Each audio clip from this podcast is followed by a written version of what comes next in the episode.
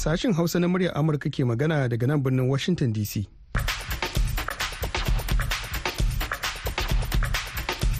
Masu sauraro Assalamu alaikum barkanmu da wannan lokaci yau Litinin 17 wa 15 ga watan Janairun shekarar 2024.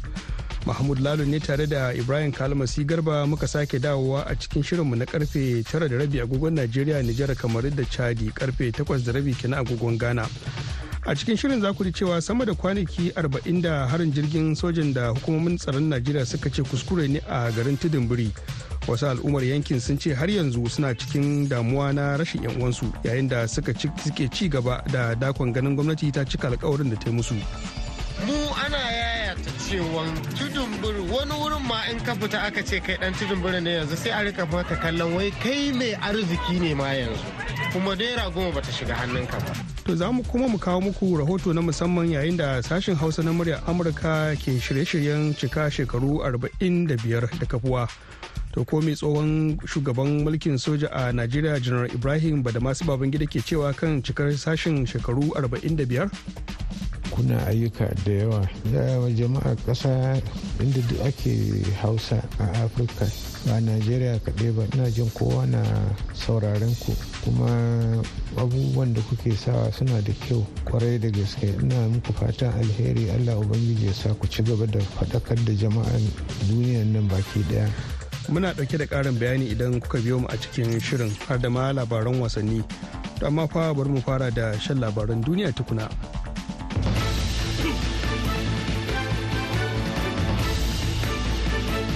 To assalamu alaikum masu saurare da fatan auna lafiya ga labaran. Wata ƙungiyar mayaka mai ƙarfin gaske ta wata kabila mai yaƙi da sojojin ƙasar Myanmar wadda ke jihar Rakhine ta yammacin ƙasar ta ƙwace wani gari da ke makwabtaka da ƙasashen India da Bangladesh a cewar ƙungiyar a yau ɗin nan Litini wanda hakan ya tabbatar da rahoton mazauna wurin da kuma kafafen yada labarai. Garin mai suna paledwa shine gari na farko da ya fada hannun dakarun arakan waɗanda suka kaddamar da farmaki na bazata da farko a tsakiyar watan nuwamba kan wuraren da sojoji suke a garin na paledwa wanda ke cikin jihar cin garin na paledwa na arewacin raken ne kuma yana kan iyaka da ƙasashen bangladesh da india. Sojojin isra'ila sun kai wasu sabbin hare-haren jiragen sama a faɗin zirin gaza a yayin da a yau ɗin nan litini ma'aikatar lafiyar gaza wadda hamas ke tafi da ita ke cewa isra'ila ta hallaka mutane sama da 130 jiya. Rundunar sojin isra'ila yau litini ta ce cikin matakan sojin da ta ɗauka har ma da kashe mayaka biyar a arewacin gaza waɗanda a ta bakinta ke ƙoƙarin gano wurin ajiyar makamai. Baya kuma ga hare-haren jiragen sama da farmaki daga ta ƙasa da kuma lalata wurin ajiye makamai a yankin khan na wato khan yunis da ke kudancin gaza. Ma'aikatar lafiyar gaza wadda ba ta bambanta tsakanin mayaka da farar hula wajen bayyana adadin waɗanda hari ya ritsa da su.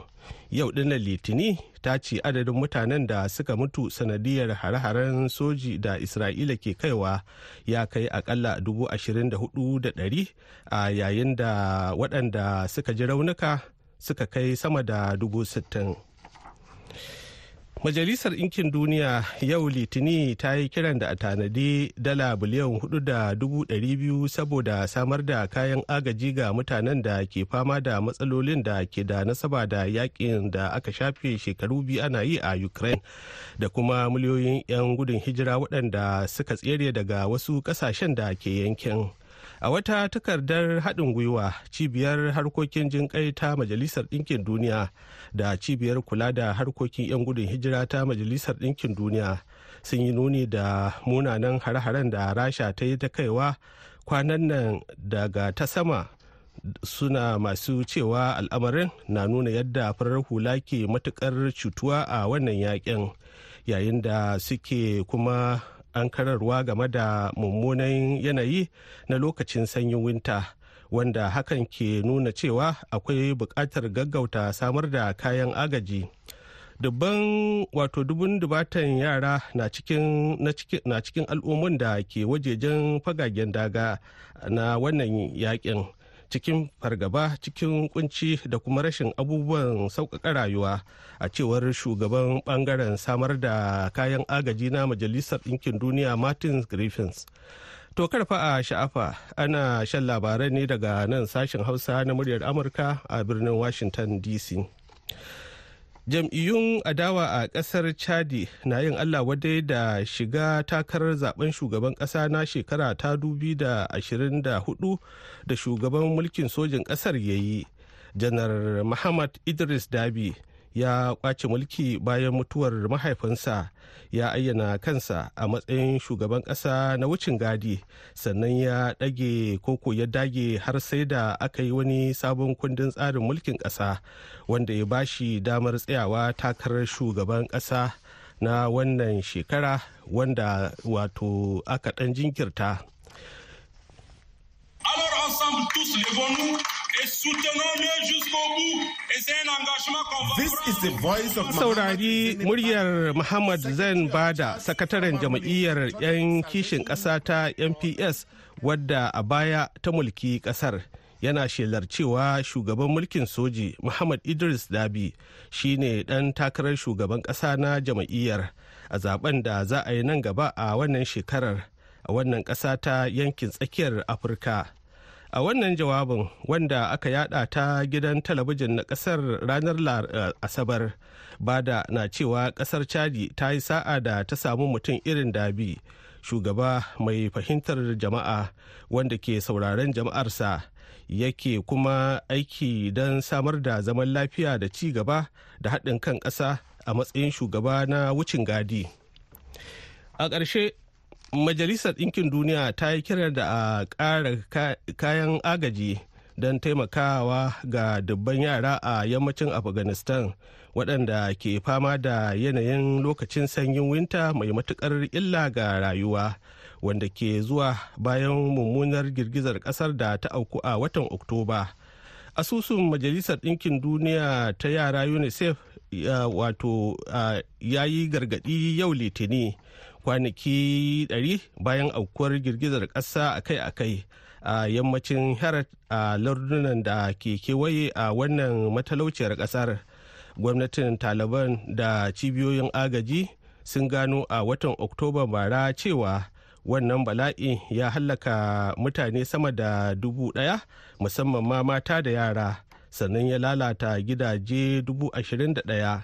Ta yadda ma iyalan da suka rasa abin zaman gari da dabbobinsu da kuma kayan abinci sun fi a ƙirga.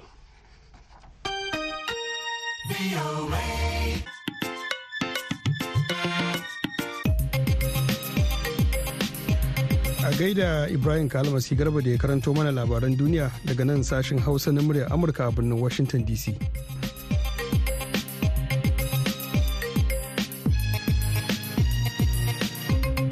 To sama da kwanaki arba'in da harin jirgin sojan da hukumomin tsaro suka ce kuskure ne a garin tudun biri da ke jihar Kaduna.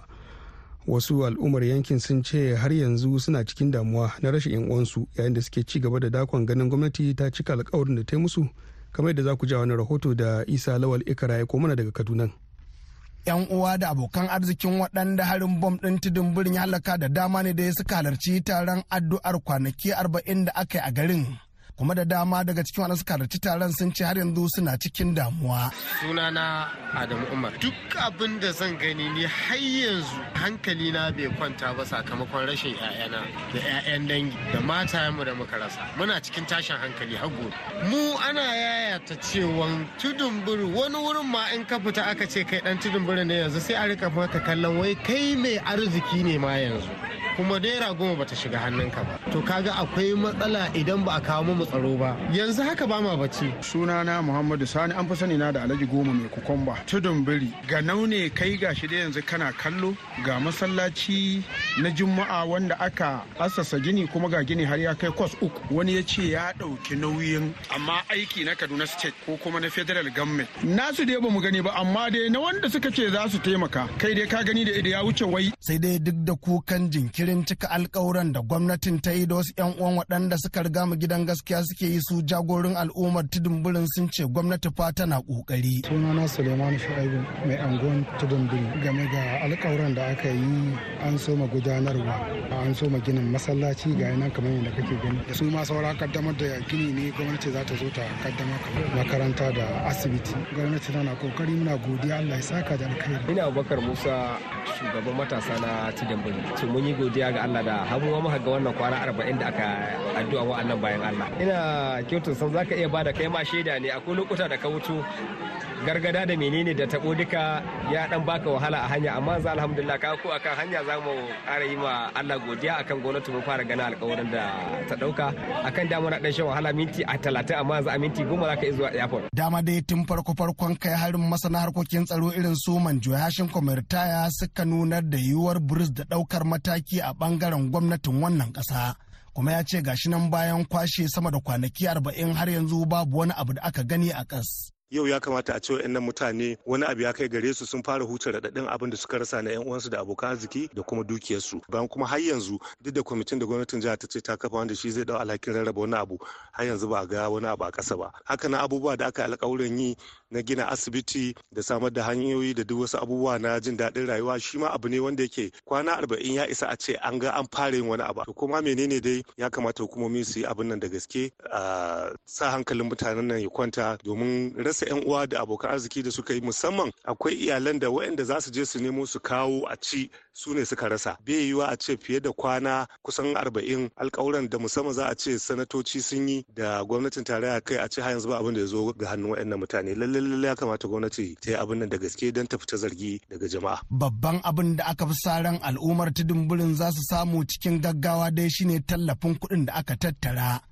Sai dai dama tun lokacin kaddamar da kwamiti a kan yankin tudun burin gwamnan jihar kaduna malam obasani ya ce wasu daga cikin alkawuran kuɗaɗen da aka yi fa dole ne sai an bi sahu tukuna. ko da kuke wannan wuri aka ba ku wannan haƙi tun da wannan ibtila'i ya auku kun ta faɗi tashi. Ku ga ci al'umman nan an nemi musu haƙin su kuma lokaci lokaci za mu tsaya mu ji me ke faruwa ku zo ku gaya mana waɗanda suka alkawarin za su ba da gudunmuwa ku bi su su kawo wannan gudunmuwa. Domin duk wanda ya ce zai bayar haƙƙin kwamiti ne ku bi su sai sun ba da wannan kuɗi tunda sun gama duniya za su taimaka. Ɗaya daga cikin abubuwan da muryar Amurka ta lura da shi dai shine ɗauke kafafuwan jami'an tsaro a hanyar garin tudun birin da ya saba wa abin da aka gani lokacin da wannan hari ya faru.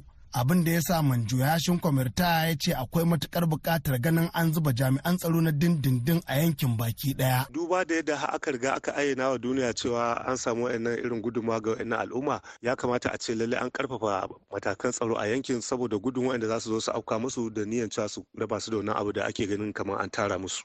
isa lawal ikara murar amurka daga kaduna a najeriya a gaida isa lawal ikara. To a ranar 21 ga watan nan na janairu ne sashen hausa na murya amurka zai cika shekaru 45 da kafuwa.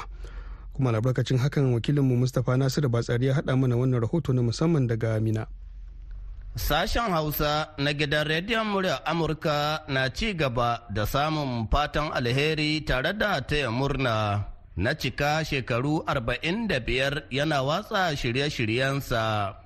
Da dama daga cikin waɗanda suka tofa albarkacin bakinsu sun yabawa sashen hausa na muryar amurka akan jajircewa wajen faɗakar da al'umma musamman masu jin harshen hausa akan halin da duniya ke ciki. Cika sauran mina alhaji suleiman yahaya baban gida ya ce a matsayinsu na hausawa suna alfahari da wannan tashar rediyo. Kuma suna yabawa ma'aikatan rediyon akan jajircewarsu wajen samo bayanai domin faɗakar da al'umma. Muna alfahari a matsayinmu na Hausawa wanda yake su an taimaka jama'a wanda ba su jin harshen turanci suna jin labarai masu mahimmanci da suke faruwa a duniya. haka wannan gido dole abin yabawa ne abin sa masu albarka ne kuma shekarun da suka kai ko a shi ake cewa daga shekara arba'in mutum ya zama cikakken mutum. So haka mun tabbatar da cewa kuma taɓa jin sun samu wata lalura wadda jama'a suke turba sai dai muna ƙoƙari su ƙara jajircewa saboda irin yanayin da ake ciki. To shi ma dai sardaunan Ilori a jihar Kwara Alhaji Shehu Zaman Lafiya ya ce suna cike da farin ciki akan yadda sashen Hausa na muryar Amurka ke fassara labarai daidai da yadda kowane mai jin Hausa zai fahimci abin da aka bayyana. Wallahi zan ce na yi farin ciki ƙwarai da gaske. Saboda abin da ya sa mu gaskiya wannan sashen naku inda kuke bayanukan nan yana wayar da mu yana wayar da mu ko muna jin daɗin bayanunukan ku game da maganar sashen afirka ɗin nan yadda kuke faɗi mana fassara kowa tun da mutum kowanne irin mutum yana jin hausan ku yana jin ko bayanin da kuke saboda haka ni dai ina daga cikin mai farin ciki da Allah ya sa aka samu dogon lokaci irin wannan kuma kuna yin wannan sana'a. To mai martaba sarkin Sudan na kwanta gora a jihar Niger Alhaji Muhammadu Barau Ma'azu na biyu ya ce tun suna yara ƙanana suka dogara da sashen Hausa na muryar Amurka wajen samun labarai da suka shafi duniya. Ita wannan gidan rediyo da wasu Amurka tun da aka fata mun san lokacin muna yara wanda ke kuma mun a lokacin nan babu wasu kafafen yaɗa labarai da dama a lokacin ba irin su Voice of America din ba. A lokacin kana son ka samu kowane labari na duniya ko na gida ko na waje to sai ta Voice of America din za ka samu. Wanda da kuma sun yi ƙoƙari sosai na yada alfana ga mutanen karkara da na birni. Domin lokacin da ba kowa ke da wutar lantarki ba balle ya ce zai gani a tv ko kuma zai kunna rediyo da wuta amma lokacin ko mutum kauye mutumin daji yana kan ƙaramin rediyo wanda zai sa batir ɗin shi ya buɗe ya ji labarai abin da ke faruwa a cikin ƙasa da kuma duniya ba ɗaukar ba ƙaramin ƙoƙarin suka yi da ci gaba su kawo sosai na wayar da mutane da kawuna tun dai ba mutanen karkara ba. To shugaban ƙungiyar muryar talaka a Najeriya Alhaji Zaidu Bala ƙofa sabuwa birnin Kebbi ya ce sashen Hausa na muryar Amurka tamkar wata jami'a ce a wajensu. To gaskiya sashen Hausa waɗannan shekaru da ya kwashe sama da arba'in ba ƙaramin abin a yaba na ba kuma a jinjina. Saboda kun ƙirƙiro shirarruka masu mahimmanci sosai waɗanda sun kai wayar da al'umma musamman ma ƙasashen da ka unhwani da harshen hausa. Wannan sashi hausa na murya amurka ya zama kamar makaranta a gare mu ko kuma mu ce babbar jami'a. Saboda duk mai sauraren sashen hausa na murya amurka zai unhwani da abubuwa sosai sosai. Musamman ma shirarrukan kuɗi an ka faro tun daga harkar ilimi harkar kiwon lahiya harkar noma harkar tsaro. Babu wani sashe da babu wani ɓangare na cigaban bil'adama wanda sashe hausa na murya amurka ba su taɓo kai ne ba. tsohon gwamnan jihar niger kuma sanata alhaji abubakar sani bello ya yaba wa muryar amurka a ta na faɗakar da al'umma akan abubuwan da ke faruwa a duniya a hakika ko shakka babu voa sun yi ƙoƙari ƙwarai da gaske ta ɓangaren fahimtar da mutane akan abubuwan da ke faruwa a duniya gaba ɗaya musamman afirka da najeriya. Saboda haka ina muku fata alheri ina fata kuma allah ya kara ƙarfafa ku ya kara muku dabara da za ku ci gaba da wanga aiki da kuke yi.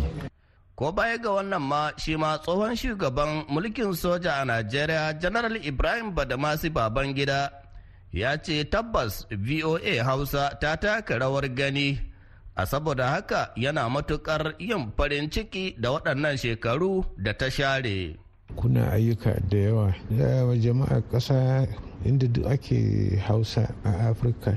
Ba najeriya kaɗai ba ina jin kowa na sauraren ku. Kuma abubuwan da kuke sawa suna da kyau ƙwarai da gaske ina muku fatan alheri allah ubangiji ya sa ku ci gaba da faɗakar da jama'an duniyan nan baki ɗaya allah kuma ya albarka Jama'a ku ci gaba da kasancewa da murya Amurka don samun sahihan labarai daga ko'ina a cikin faɗin duniyan nan. Mustapha Nasiru Batsari murya Amurka daga Mina a Najeriya. A gaida Mustapha Nasiru Batsari to dangane da wannan biki na cikar sashen Hausa na murya Amurka shekaru 45 ga wannan saƙon.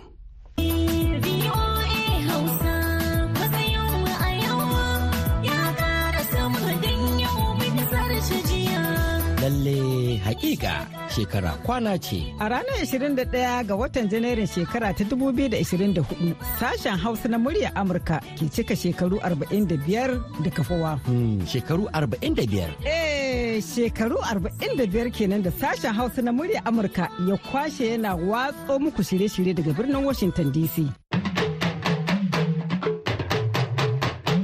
kamar kullum wannan karon ma mun yi sauye-sauye a tsarin shirye-shiryenmu domin daidaicewa da zamani da kuma biyan bukatun ku masu saurare. Mun fito da wasu sabbin shirye-shirye na rediyo da suka hada da daga kawayenmu. Zamantakewa da Allah ɗaya gari bambam. Da kuma dandalin 'yan jarida. Lokutan muna nan ba su canja ba. Haka ma, mitocin da ake kama mu ma ba su sauya ba. Zamani riga a ɓangaren talabijin ma mun yi muku kyakkyawan tanadi tare da ƙirƙiro sabon shirin nishaɗi na dardumar BOA. Haka kuma a gefen sadarwa ta zamani za ku ga sauyi a dukkan shafukanmu na intanet tare da sabbin shafuka na duniya Amurka da tafiya mabuɗin ilimi har ma da ingantaccen shirin na na gani da ke kawo muku faruwar al'amura kai tsaye a duk faɗin duniya. Sashen Hausa na muryar Amurka majiya kwakwara ta yada labarai da rahotanni. Ku kasance tare da mu a ko da yaushe domin biyan bukatunku shine muradinmu.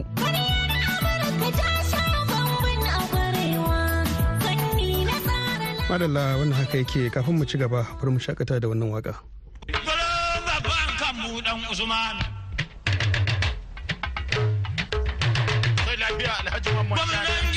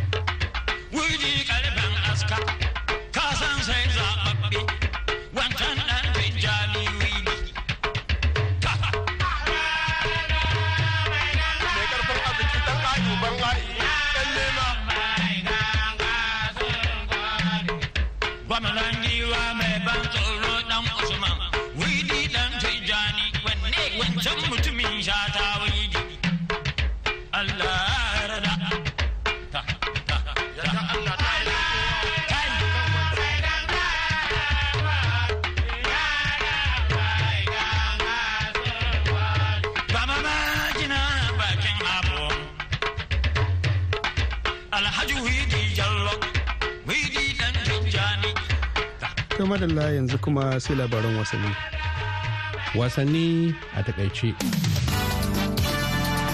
Shirin na wannan mako za mu fara ne da gasar cin kofin nahiyar Afirka inda har yanzu 'yan ƙasar Najeriya ke ci gaba da nuna rashin jin daɗin su dangane da rashin samun nasarar maki uku akan wasar da ƙasar ta buga da Equatorial Guinea inda suka tashi ce ɗaya da ɗaya wato kunnen doki inda har yanzu 'yan ƙasar ke nuna rashin jin daɗin su dangane da faruwar al'amarin. Inda idan ka dubi tarihi cewar Najeriya da Equatorial Guinea ba su taɓa haɗuwa a gasar cin kofin nahiyar Afirka ba amma a shekara ta 2010 Najeriya sun taba haɗuwa a wasan neman tiketin shiga gasar cin kofin duniya na shekara ta 2010 inda dukkanin haduwar biyu Najeriya ta yi wa ƙasar Equatorial Guinea dukar kawo wuka. Muhammad Bana dan jarida ne kuma mai sharhi akan al'amuran wasanni wanda ya ce wannan bararwa ce ba kaɗan ba. Abin da ya ba mutane mamaki shine yadda tawagar ta kasa yin katabus ta kasa yin abin da ya dace daga ƙarshe ta tsire da maki ɗaya tilo a wasa mai muhimmanci wanda kusan dukkanin magoya bayan ƙasar sun je ne da kwari kwarin gore cewa babu yadda za a ce wataƙila bata samu maki uku da take buƙata a wannan wasa ba. Sannan wataƙila wani abu da ya kara bakanta ran yan najeriya ko ko magoya bayan ƙungiyar ƙwallon kafar ƙasar shine yadda aka riƙa samun dama aka riƙa bararwa aka riƙa wasa da shi wanda kusan ya baiwa al'umma da dama mamaki a ce babban tawaga da take da zaratan yan wasa irin wannan sannan ta samu damammaki kamar wannan a ce ta gagara yin amfani da shi. Watakila ma najeriya ta zama ƙasar da ta fi kowace kasa yawan zubar da damar maki a gasar afcon na kakar bana idan ka duba irin dama da ta samu ta riƙa wasa da shi. A ɗaya ɓangaren akwai gyara a super eagle mai yawa idan har ana son ƙungiyar ta kai ga gaci dole ne a tsakiya ma irin su wobi sai an ja musu kunne yadda ya kamata domin shi yayi ganganci da ta jawo ma aka ci najeriya ƙwallon da aka zira mata a cikin raga. Kuma ba za mu gushe ba wurin jinjina wa 'yan wasan da suka taka rawar gani kamar dan wasa alhassan yusuf wanda ya buga tsakiya da dan wasa ekon dukkanin sun taka rawar gani wanda idan ka karkare kalaman ka ba tare da jinjina musu ba ina ganin kamar ba ya adalci ba. Inda ake tunani ma cewar wataƙila a najeriya ta zama ƙasar da dafi kowace kasa yawan zubar da damammaki a gasar afcon ta bana kamar da yadda al'amura suka nuna a yanzu duba da cewa dan wasa osihen ya samu dama da ake ce masa daga buhu sai tukunya amma ya barar. Shi ma dai dan wasa zaidu sunusi ya samu damammaki masu kyau guda biyu amma bai yi amfani da su yadda ya kamata ba. Alamu dai yana nuna cewa akwai gyara a ƙungiyar wasa ta super eagle mai yawan gaske. Yanzu kuwa bari mu reka premier league inda manchester united da tottenham suka tashi ce biyu da biyu a wasan premier league a ranar lahadin da ta gabata a old trafford. Rashimus hujulun ne ya fara ciwa manchester united ƙwallo a minti na uku da take leda. Na biyu kenan da ya zura a ragar ta old trafford. To sai dai a minti na tara ne tottenham ta barke ta hannun rich mulson wanda tun bayan da ya kammala jinya yake cin kwallaye. Alamu dai na nunawa kenan tottenham ta ci ƙwallo a karawa 33 a premier league tun bayan ci ɗaya da nema da walbados ta doke ta a watan maris ɗin bara. A nan za mu ja birki a shirin wasanni a taƙaice. Lado salisu garba muryar amurka daga adamawa a najeriya. Ana tara ne da sashen hausa na murya amurka a birnin washington dc yanzu kuma ga labaran duniya a taƙaice.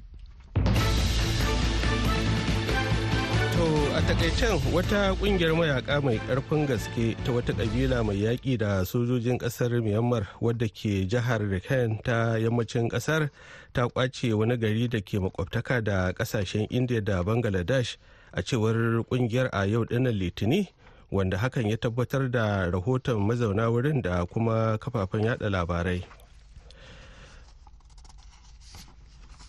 Sojojin isra'ila sun kai wasu sabbin hare-haren jiragen sama a faɗin zirin gaza a yayin da a yau ɗin nan ma'aikatar lafiyar gaza wadda hamas ke tafi da ita ke cewa isra'ilar ta hallaka mutane sama da 130 jiya. Rundunar sojin isra'ila yau litini ta ce cikin matakan sojin da ta ɗauka har ma da wato kashe wasu mayaka biyar. Majalisar ɗinkin duniya yau litini ta yi kiran da a tanadi dala biliyan huɗu da dubu biyu saboda samar da kayan agaji ga mutanen da ke fama da matsalolin da ke da nasaba da yaƙin da aka shafe kusan shekaru biyu ana yi a ukraine da kuma miliyoyin 'yan gudun hijira waɗanda suka tsere daga wasu ƙasashen da ke yankin. Jam'iyyun adawa a ƙasar chadi na yin allah wadai da shiga takarar zaɓen shugaban ƙasa na shekara ta 2024 da shugaban mulkin sojan ƙasar ya yi. Janar muhammad idris dabi ya ƙwace mulki bayan mutuwar mahaifinsa ya ayyana kansa a matsayin shugaban ƙasa na wucin gadi sannan ya dage wato ya dage har sai da aka yi wani sabon kundin tsarin mulkin ƙasa. Wanda ya ba shi damar tsayawa takarar shugaban ƙasa. Majalisar Ɗinkin Duniya ta yi kiran da a ƙara kayan agaji don taimaka ma dubban yara a yammacin Afghanistan waɗanda ke fama da yanayin lokacin sanyi na winter. To masu sauraro duka duka abin da ya sauka kenan a shirin namu wannan lokaci sai kuma gobe da safe da misalin ƙarfe 6 na safe agogon Najeriya, Nijar, kamar da Chadi. Wato biyar kenan na safe agogon Ghana za ku ji wasu abokan aikinmu da wani sabon shirin. za a yi zuwa shafukanmu na intanet wato a voahausa.com ko kuma sashin hausa.com domin sake sauraron wannan shirin da ma waɗanda suka gabata yanzu kan a madadin ibrahim kalmasi garba da ya ta ni gabatarwa da fiona wa mai nan dudu wacce ta haɗa mana shirin ni mahmud lalo nake cewa mutara a shirinmu na safe idan allah ya kai mu.